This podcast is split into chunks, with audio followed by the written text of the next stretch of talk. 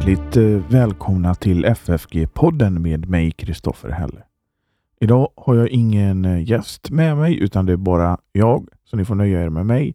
Och Jag ska tala om Luthers hus på Stilla och sen läsa ett eh, aktuellt stycke ur den. Men är det så att man vill ge ett bidrag till den här poddens och församlingsfakultetens arbete så går det bra att göra det på Swish. Numret är 123 100 8457 och så märker man det med FFG Podcast. För annat som händer här på församlingsfakulteten besök vår hemsida ffg.se.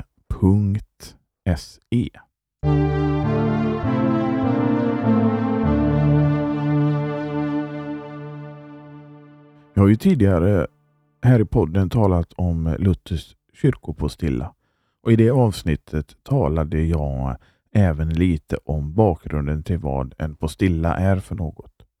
Ordet kommer från latinets post illa som kan översättas med efter denna texts ord och är en samling av predikningar för kyrkårets söndagar och helgdagar. Skillnaden mellan Luthers kyrkopostilla och det som vi idag ska tala om, huspostillan, är det att det inte är Luther själv som har skrivit ner predikningarna, utan det är eh, åhörare.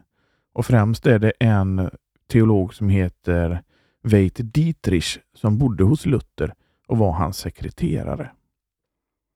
Dietrich eh, var född 1506 och han var vän med Luthers närmsta man Philip Melanchthon som såg att Dietrich var talangfull när han kom till Wittenberg från Nürnberg.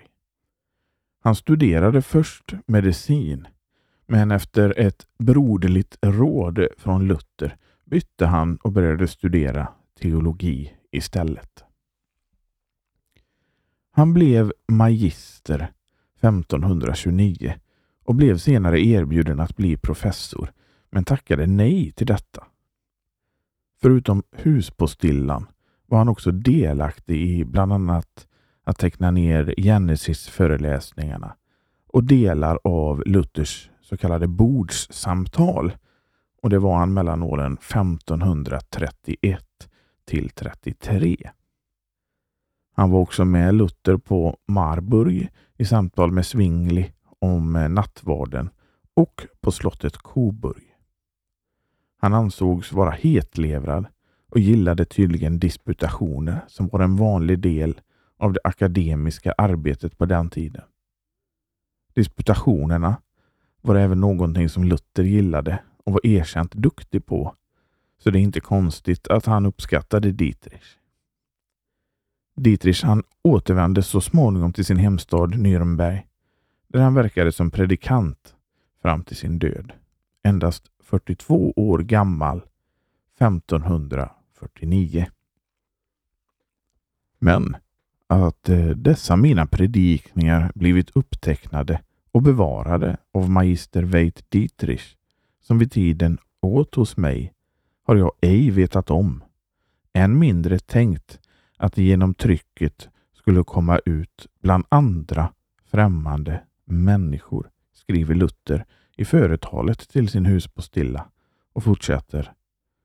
Jag trodde säkert att det vore alldeles förgätna, men om de behaga någon så vill jag gärna unna honom dem såsom smulor och överblivna stycken. Luther han förringar ju här sitt verk, Huspostillan. Men eh, den har haft en stor betydelse bland lutheraner världen över. De fromma såg gärna att bruket av huspostillan gick i arv till yngre generationer och gladde sig över nytryckningar. Den var flitigt använd även här i Sverige. Luther skriver också i sitt företal om hur husandakten går tillbaka så långt som till patriarkerna. Det synes som om patriarkerna haft denna sed att predika i sina hus för sitt folk. Så läser man att Abraham, Isak, Jakob här och där byggde altaren och åkallade Gud Herren, det vill säga de samlats dit med sitt husfolk för att predika och för att bedja och lova Gud. Dit torde så småningom även grannar, närboende folk och städer infunnit sig. Ty det är icke troligt att någon patriark byggde ett altare för sig ensam, utan hans hustru, barn, tjänare och tjänarinnor kom dit med honom och gjorde som de såg husbonden göra. Då kunde han inte tiga, utan måste såsom en kyrkoherde eller predikant säga åt dem något och undervisa dem om de löften Gud givit. Och så kom även grannarna dit, så att huspredikan blev en församlingspredikan och så vidare. Sådant ser vi också i Apostlagärningarna och i Matteus 10 12 så befaller Kristus att så skall ske så att apostlarnas predikan i början skedde i husen. Så har grannarna kommit dit och slutligen hela städer och länder. Om vi nu tittar på Luther och eh, Hus på Stilla så eh, har han eh, hämtat sitt eh, evangelium från Matteus evangeliets åttonde kapitel, verserna 23 till och med 27 för denna fjärde söndagen efter trettondagen som också är nu på söndag. Jesus steg i båten och hans lärjungar följde honom.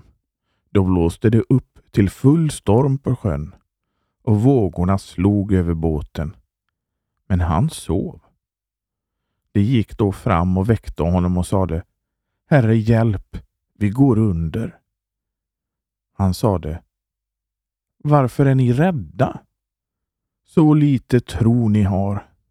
Sedan reste han sig och talade strängt till vindarna och sjön. Och det blev alldeles lugnt. Männen häpnade och sade Vem är han? Till och med vindarna och sjön lyder honom. Då tittar vi på vad Luther har att eh, säga om detta. I dagens evangelium framställes för oss en berättelse som vill lära oss, inte vad vi bör göra, Ty här står ingenting om våra gärningar, utan om vad vi i nöd och svårigheter bör tro och trösta oss med. Det är således en av de stora predikningarna om tron som var man dock tycker sig väl förstå, som om det vore en enkel och alldaglig sak. Vi vill nu dela vår predikan så att vi först talar om korset och lidandet, sedan om Herren Kristus och tron på honom. Att han alena som den enda och bästa trösten duger och hjälper. Och för det tredje om den frukt och nytta som efter anfäktelsen kommer av tron. Dessa punkter skall på ett förträffligt sätt kunna visa oss vilken trösterik berättelse evangelisten med få ord ger oss. En som annars inte är så lätt att finna. Det första stycket säger oss att Herren Jesus stiger i båten med sina lärjungar. Ännu är det inte oväder, utan vackert, behagligt och stilla väder. Sjön ligger också lugn och stilla. Annars skulle åtminstone lärjungarna ha ryggat tillbaka för att eh, slå sig ner i båten. Men så snart Kristus och hans lärjungar satt sig och de lagt ut från land och kommit ut på sjön så upphäver sig en fruktansvärd storm så att båten översköljes av vågor så att de, se, att de ser ut som om det skulle kunna gå under. Låt oss väl ge akt på denna berättelse. Låt oss göra ett ordspråk av det och säga så går det när Kristus stiger i båten. Då får det inte längre vara lugnt. Då kommer oväder och storm. Det går verkligen så som Kristus säger i Lukas 11, 21 och 22 att det är en starkt beväpnad man bevakar sin gård får han ro och frid tills dess en ännu starkare kommer. Då börjar ofriden, kampen och striden. Detsamma märker man här i evangeliet. Allt är förut lugnt och stilla, men så snart Kristus låter höra sig med en predikan eller låter sig ses med ett underverk så brinner det i alla knutar. Fariseerna, de skriftlärda och översteprästerna sammansvärjer sig och vill beröva honom livet och framför allt börjar djävulen att storma och rasa.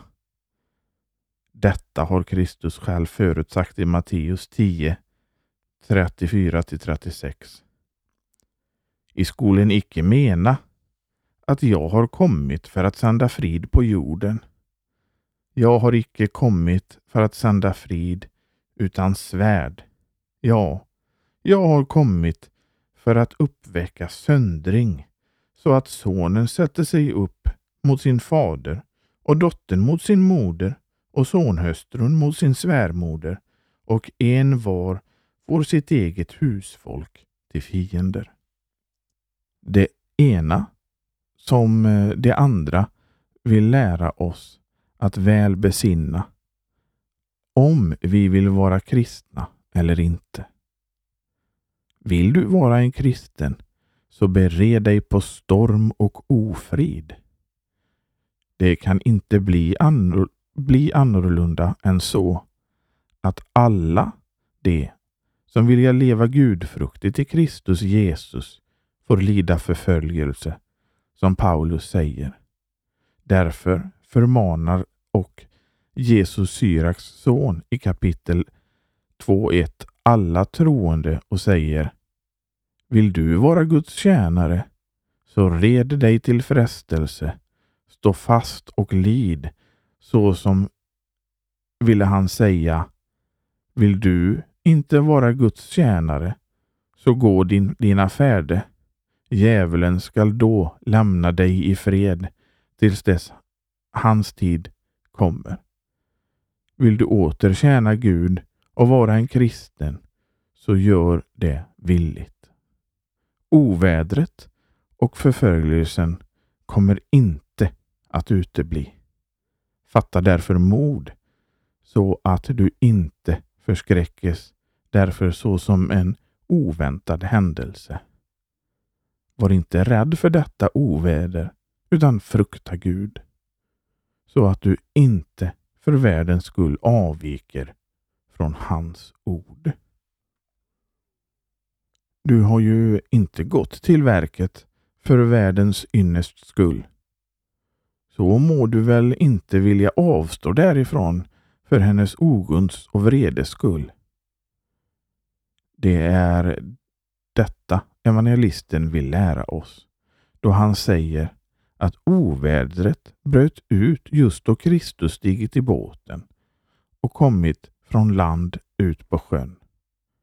Detta lär oss också vad vi skall svara de usla och odugliga smädarna som inte kan annat än lasta evangelium och som säger förr, innan denna lära kom, så hade vi lugn och ro och överflöd.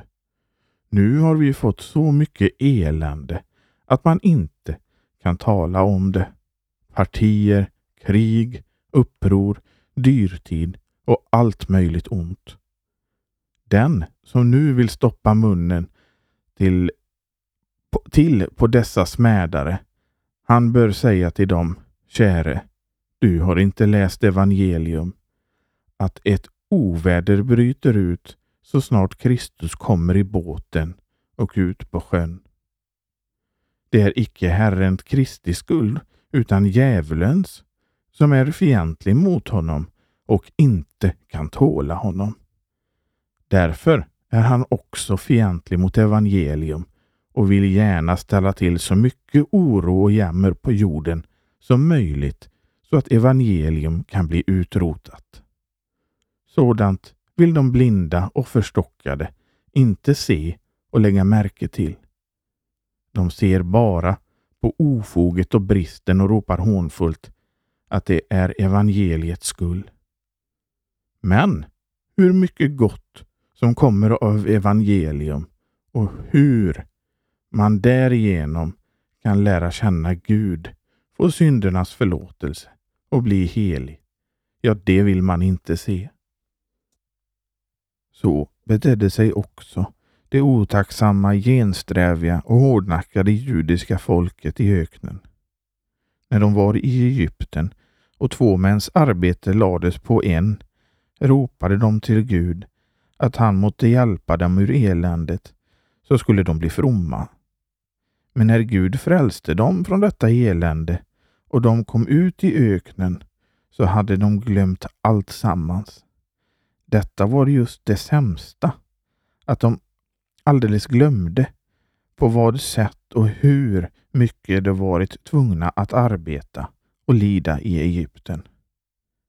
De tänkte nu bara på köttgrytorna och brödet i Egypten. Konsten att eh, orda vitt och brett om det goda de haft. Det kunde de, samtidigt som de teg med det onda de också fått utstå. När Gud därför gav dem brödet från himmelen så föraktade de det och tyckte inte att det var lika gott som köttet i Egypten. Så fördärvade vår natur och beskaffenhet genom arvsynden. Vad Gud än gör med oss så kan han inte göra oss till lags.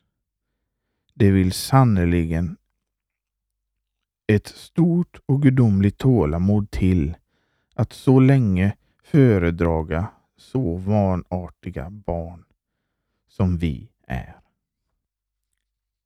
Hade någon innan evangeliet lära börjat predikas frågat oss vilket vi helst ville ha, ett års dyrtid eller att fortfarande låta oss skinnas, plågas och misshandlas av munkar och präster som förr var brukligt.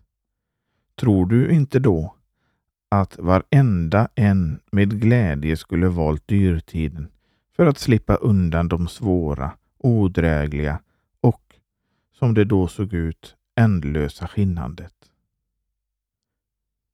Man eh, hade ju haft det hoppet att vad som inte kom ena året, det kunde komma året därpå medan skinnandet däremot skulle komma att fortsätta och eh, med var dag bli allt odrägligare. Sådant och annat ofog har vi alldeles glömt och nu prisar vi det förra lugnet och tillståndet utan att se. Vilket gruvlig klippa som hängde över våra huvuden eftersom man under den freden fördärvade oss inte bara till gods och ägodelar utan också till kropp och själ genom falsk lära och avguderi. Och likväl kunde vi inte heller då vara utan bekymmer eftersom ju dyrtid, farsot, krig och andra landsplågor inträffade då lika väl som nu. Men när något sådant händer nu så ger man evangelium skuld för det. Men hur tror du att detta behagar Gud som inte har någon ädlare skatt än sitt ord och som inte kan råda och hjälpa oss mot synd och död på bättre och säkrare sätt än genom evangelium, som dock blir så gruvligen vanärat och smädat att man ger det skulden för all olycka som händer. Vilket straff skall väl följa på en sådan händelse? Jo, att Gud alldeles förblindar smädarnas hjärtan och ögon så att de inte ser Guds stora och härliga välgärningar och likt judarna blir så förstockade att de inte kan se att de inte annat än hädar Gud och till sist blir djävulens byte. En sådan lön tillkommer dem och skall förvisso utfalla dem. Du måste ju i alla fall, även där evangelium inte blir förkunnat, tåla att inte var och en tycker om dig. Att du istället får ovänner. Rom fick ju utstå krig och annan olycka innan evangelium kom i världen. Evangelium har alltså ingen skuld, utan djävulen och vår otacksamhet är skuld till det. Djävulen tål inte evangelium och vill gärna undertrycka det. Därför ställer han till alla möjliga olyckor. Och det är ju väldigare framgång ordet får. Ju häftigare vredgas och rasar han. Om vi nu är otacksamma när en så stor skatt erbjudes oss och inte tar emot och gör bruk av den utan hatar och förföljer den så kan Gud inte tåla detta utan måste komma med allehanda straff och plåga just för att hämnas otacksamheten. Detta är första stycket av vilket du lär dig att du måste bereda dig på storm och oväder om du vill vara en kristen.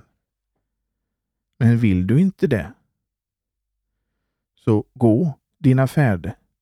Du kommer nog en gång när du ska dö att märka hur du har ställt till det för dig. Det andra stycket handlar om trons rätta art, som under denna storm och strid går åstad och söker upp Kristus och väcker honom. Ge noga akt också på detta, ty de påviska, våra motståndare, håller tron för en ganska enkel sak, medan de håller mycket på den fria viljan. Men jag skulle önska att de också vore med i båten, så att de fick pröva vad den fria viljan förmår i en sådan nöd och ångest. Det har apostlarna här nogsamt fått lära. Deras tro må ha varit eh, hur svag och ringa som helst. Så hade de och, om denna svaga och klena tro inte hade funnits, med all sin fria vilja måste förtvivla och sjunka ned i vågornas djup. Men eftersom där är en gnista tro, Jesus säger ju i klentrogne, så får de så pass tröst att de inte förtvivlar utan skyndar sig till Kristus och väcker honom och utbeder sig hans hjälp. När nu redan den klena och svaga tron förmår så mycket, vad ska då inte den starka och fasta tron förmå? Därom hörde vi för åtta dagar sedan ett vittnesbörd om den, eh, av den spetälske och hövitsmannen i Kapernaum. Således är det inget bevänt med den fria viljan. Den förlorar sig och håller inte stånd när skarorna kommer och drabbningen börjar. Då tänker vi inte på något annat än att ropa på hjälp och önskar oss hundra mil därifrån. det vill säga den fria viljan, kan inte trösta hjärtat. Utan det gör bara allt mer bävande så att den till och med förskräckes för ett prasslande löv. Men tron står dock fast, hur klen och svag hon än kan vara och låter sig inte förskräckas ens av döden, så som man här ser på lärjungarnas exempel. De såg döden för sina ögon. Vågorna slog häftigt in från alla sidor så att de slog över båten. Men skulle, vem skulle inte blekna i sådan nöd och dödsfara? Men tron håller dock som en mur hur svag hon än är och förhåller sig som den lille David mot Goliat, det vill säga mot död och synd och all fara och förtvivlar inte utan söker hjälpen där den är att finna, nämligen hos Herren Kristus. Väcker honom och ropar till honom Herre, hjälp oss, vi förgås. Tron gör alltså att man även om eh, det ser ut som om man skulle gå under, dock väntar sig hjälp och ber som det heter i salmen. Jag tror, därför talar jag och. Ty ingen kan bedja utan att ha tro. Inte heller den fria viljan förmår det. Ty hon ser bara den förhandenvarande nöden och faran, men icke den man som i nöden och faran kan hjälpa. Därför måste människan, så vitt det beror på hennes fria vilja, dö i sina synder. Men eh, det är tron som, hur klen och svag den än är, griper fatt i hjälparen Herren Kristus och får hjälp. Hade nu eh, lärjungarnas tro varit fast och stark, som eh, profeten Jonas, som förbliv intill tredje dagen i fiskens buk, så hade de kunnat säga till sjön och vågorna slå in i båten hur mycket som helst. Så starka är ni dock icke att ni kan välta omkull båten. Och även om ni kunde det så skulle vi ändå mitt i sjön finna ett valv där vi kunde sitta torra och inte drunkna. Vi har ju en Gud som kan uppehålla oss inte bara på sjön utan också i och under den. En sådan tro är rätt, som inte likt den fria viljan bara ser på det närvarande och därför förskräckes och misströstas, utan också ser på det kommande, hur allt kan förändras. Därför, om hon också redan är i dödens käftar, så bemannar hon sig och håller sig till den trösten att hon kan få hjälp som vi här ser på lärjungarnas svaga tro. Tron är alltså inte en ringa kraft eller en enkel sak. Det är en gudomlig kraft som icke kommer av den fria viljan utan blir oss av den helige Ande given genom ordet. Det förstår inte våra vedersakare, det påviska. Annars skulle de inte så häftigt säga emot när vi påstår att tron alena gör salig, det vill säga att tron alena finner tröst när synd, död och evig fördömelse slår in i båten och vill förgöra oss. Därför ser man att de är modiga och stolta så länge havet ligger stilla och vädret är lugnt. Men när ovädret bryter lös och det går dem emot, då är allt mod och all tröst sin kos. Ty där finns ingen tro, utan bara den vanmäktiga, tröstlösa viljan som glömmer Gud och hans ord och inte det vart hon skall vända sig. Nu ser eh, det särledes olyckligt ut att Kristus under denna dödsnöd vilar sig och sover en rätt naturlig och djup sömn som övermannat honom kanske därför att han under dagen arbetat och predikat sig trött eller natten genom bett och kämpat med frestelser. Ty jag tror att han ofta under natten anfäktades av djävulen så som eh, han klagar i Saltaren 88.16. Betryckt är jag och döende allt ifrån min ungdom. Jag måste bära dina förskräckelser så att jag är nära att förtvivla. Därför var han sällan glad. Gick istället ofta i svårmodiga tankar, alldeles likt den som är full av jämmer och bedrövelse, så som samma psalm ger till känna i vers 4. Ty min själ är mättad med lidanden och mitt liv har kommit nära dödsriket. Men fastän en sådan sömn är rätt och naturlig måste den dock hjälpa till att föröka hans lärjungars tro likt alla hans andra gärningar. Så sker det än idag att Herren ställer sig som om han inte såg sina kristna. Ja, som om eh, hade han aldrig lämnat dem ur sikte. Så gör han här i båten. Han ligger och sover och bekymrar sig varken om vädret eh, eller lärjungarna eller båten. Men han är dock med i båten fastän han sover.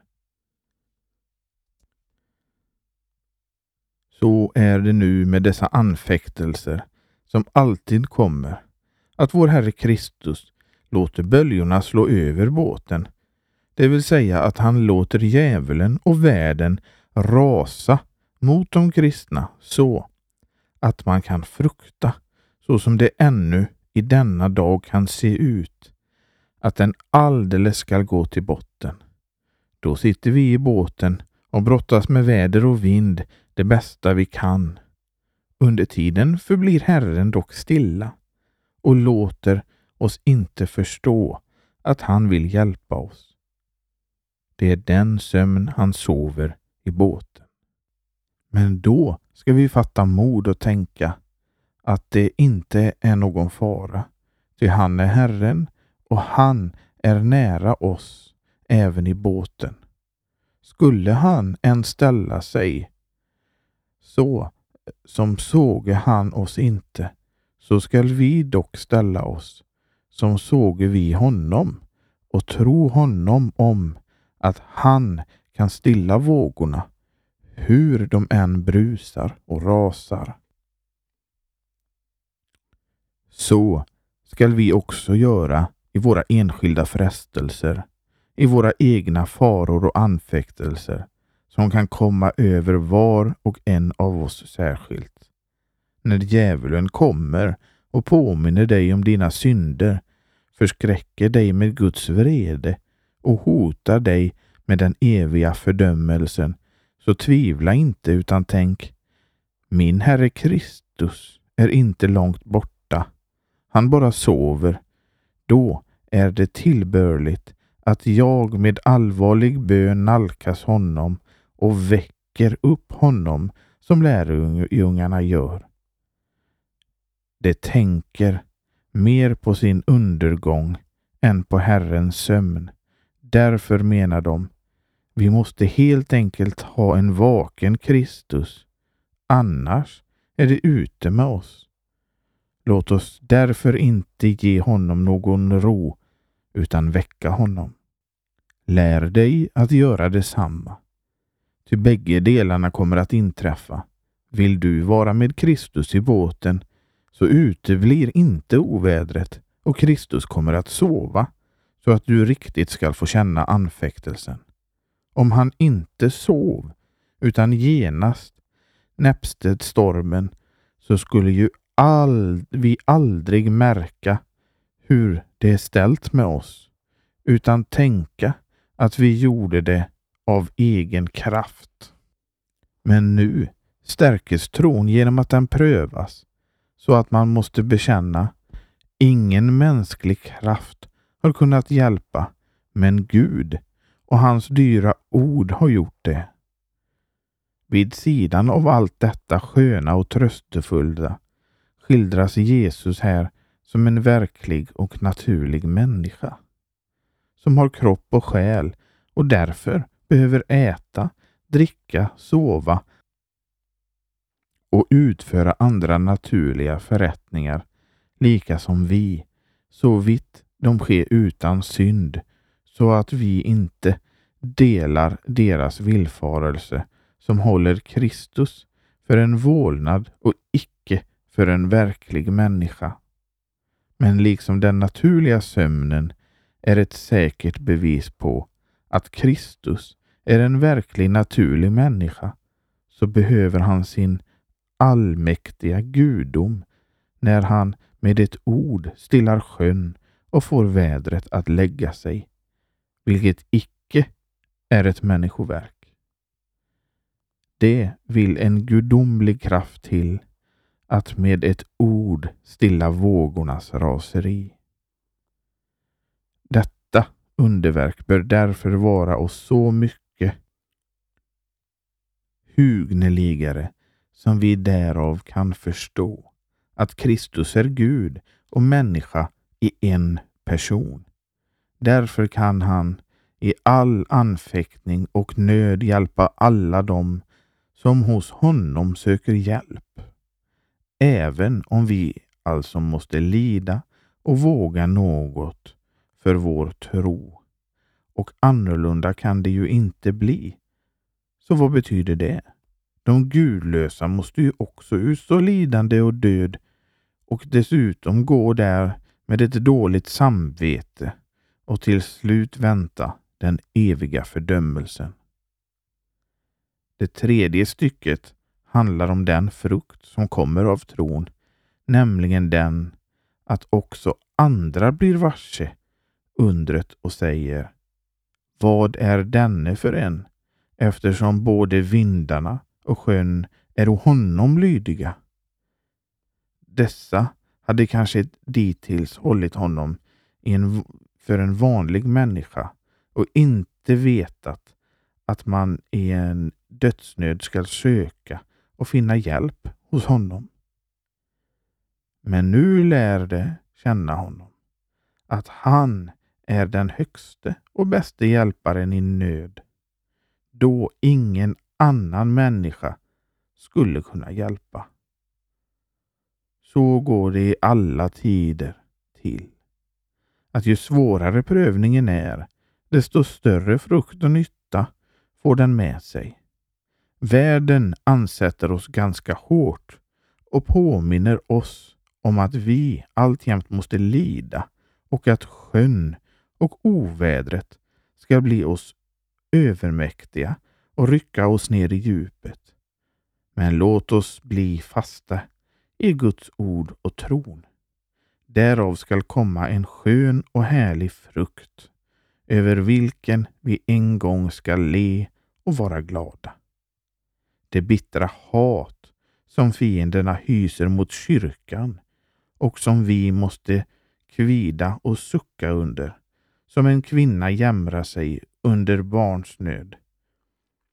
Det skall dock, om Gud vill, verka något som är gott.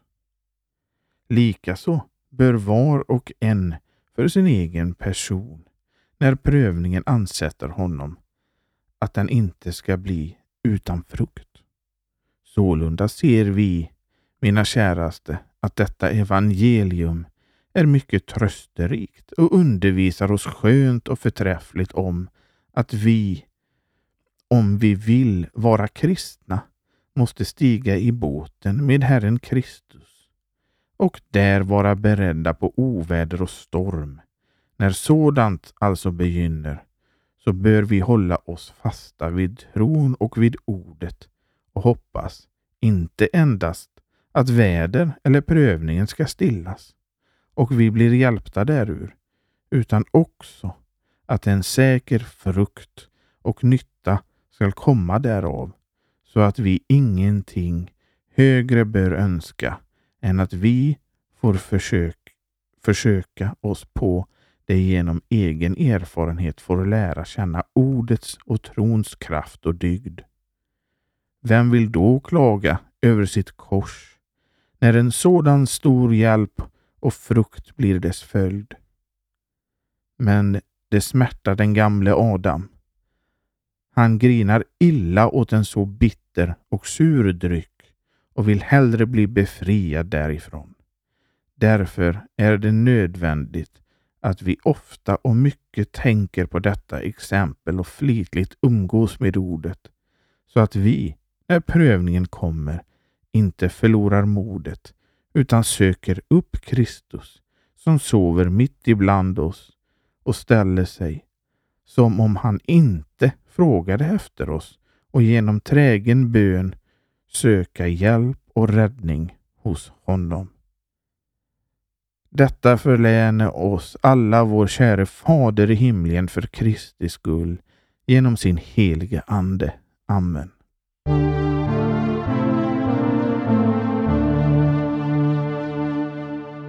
Ja, det var alltså Martin Luthers predikan på fjärde söndagen efter trettondagen från Huspostillan.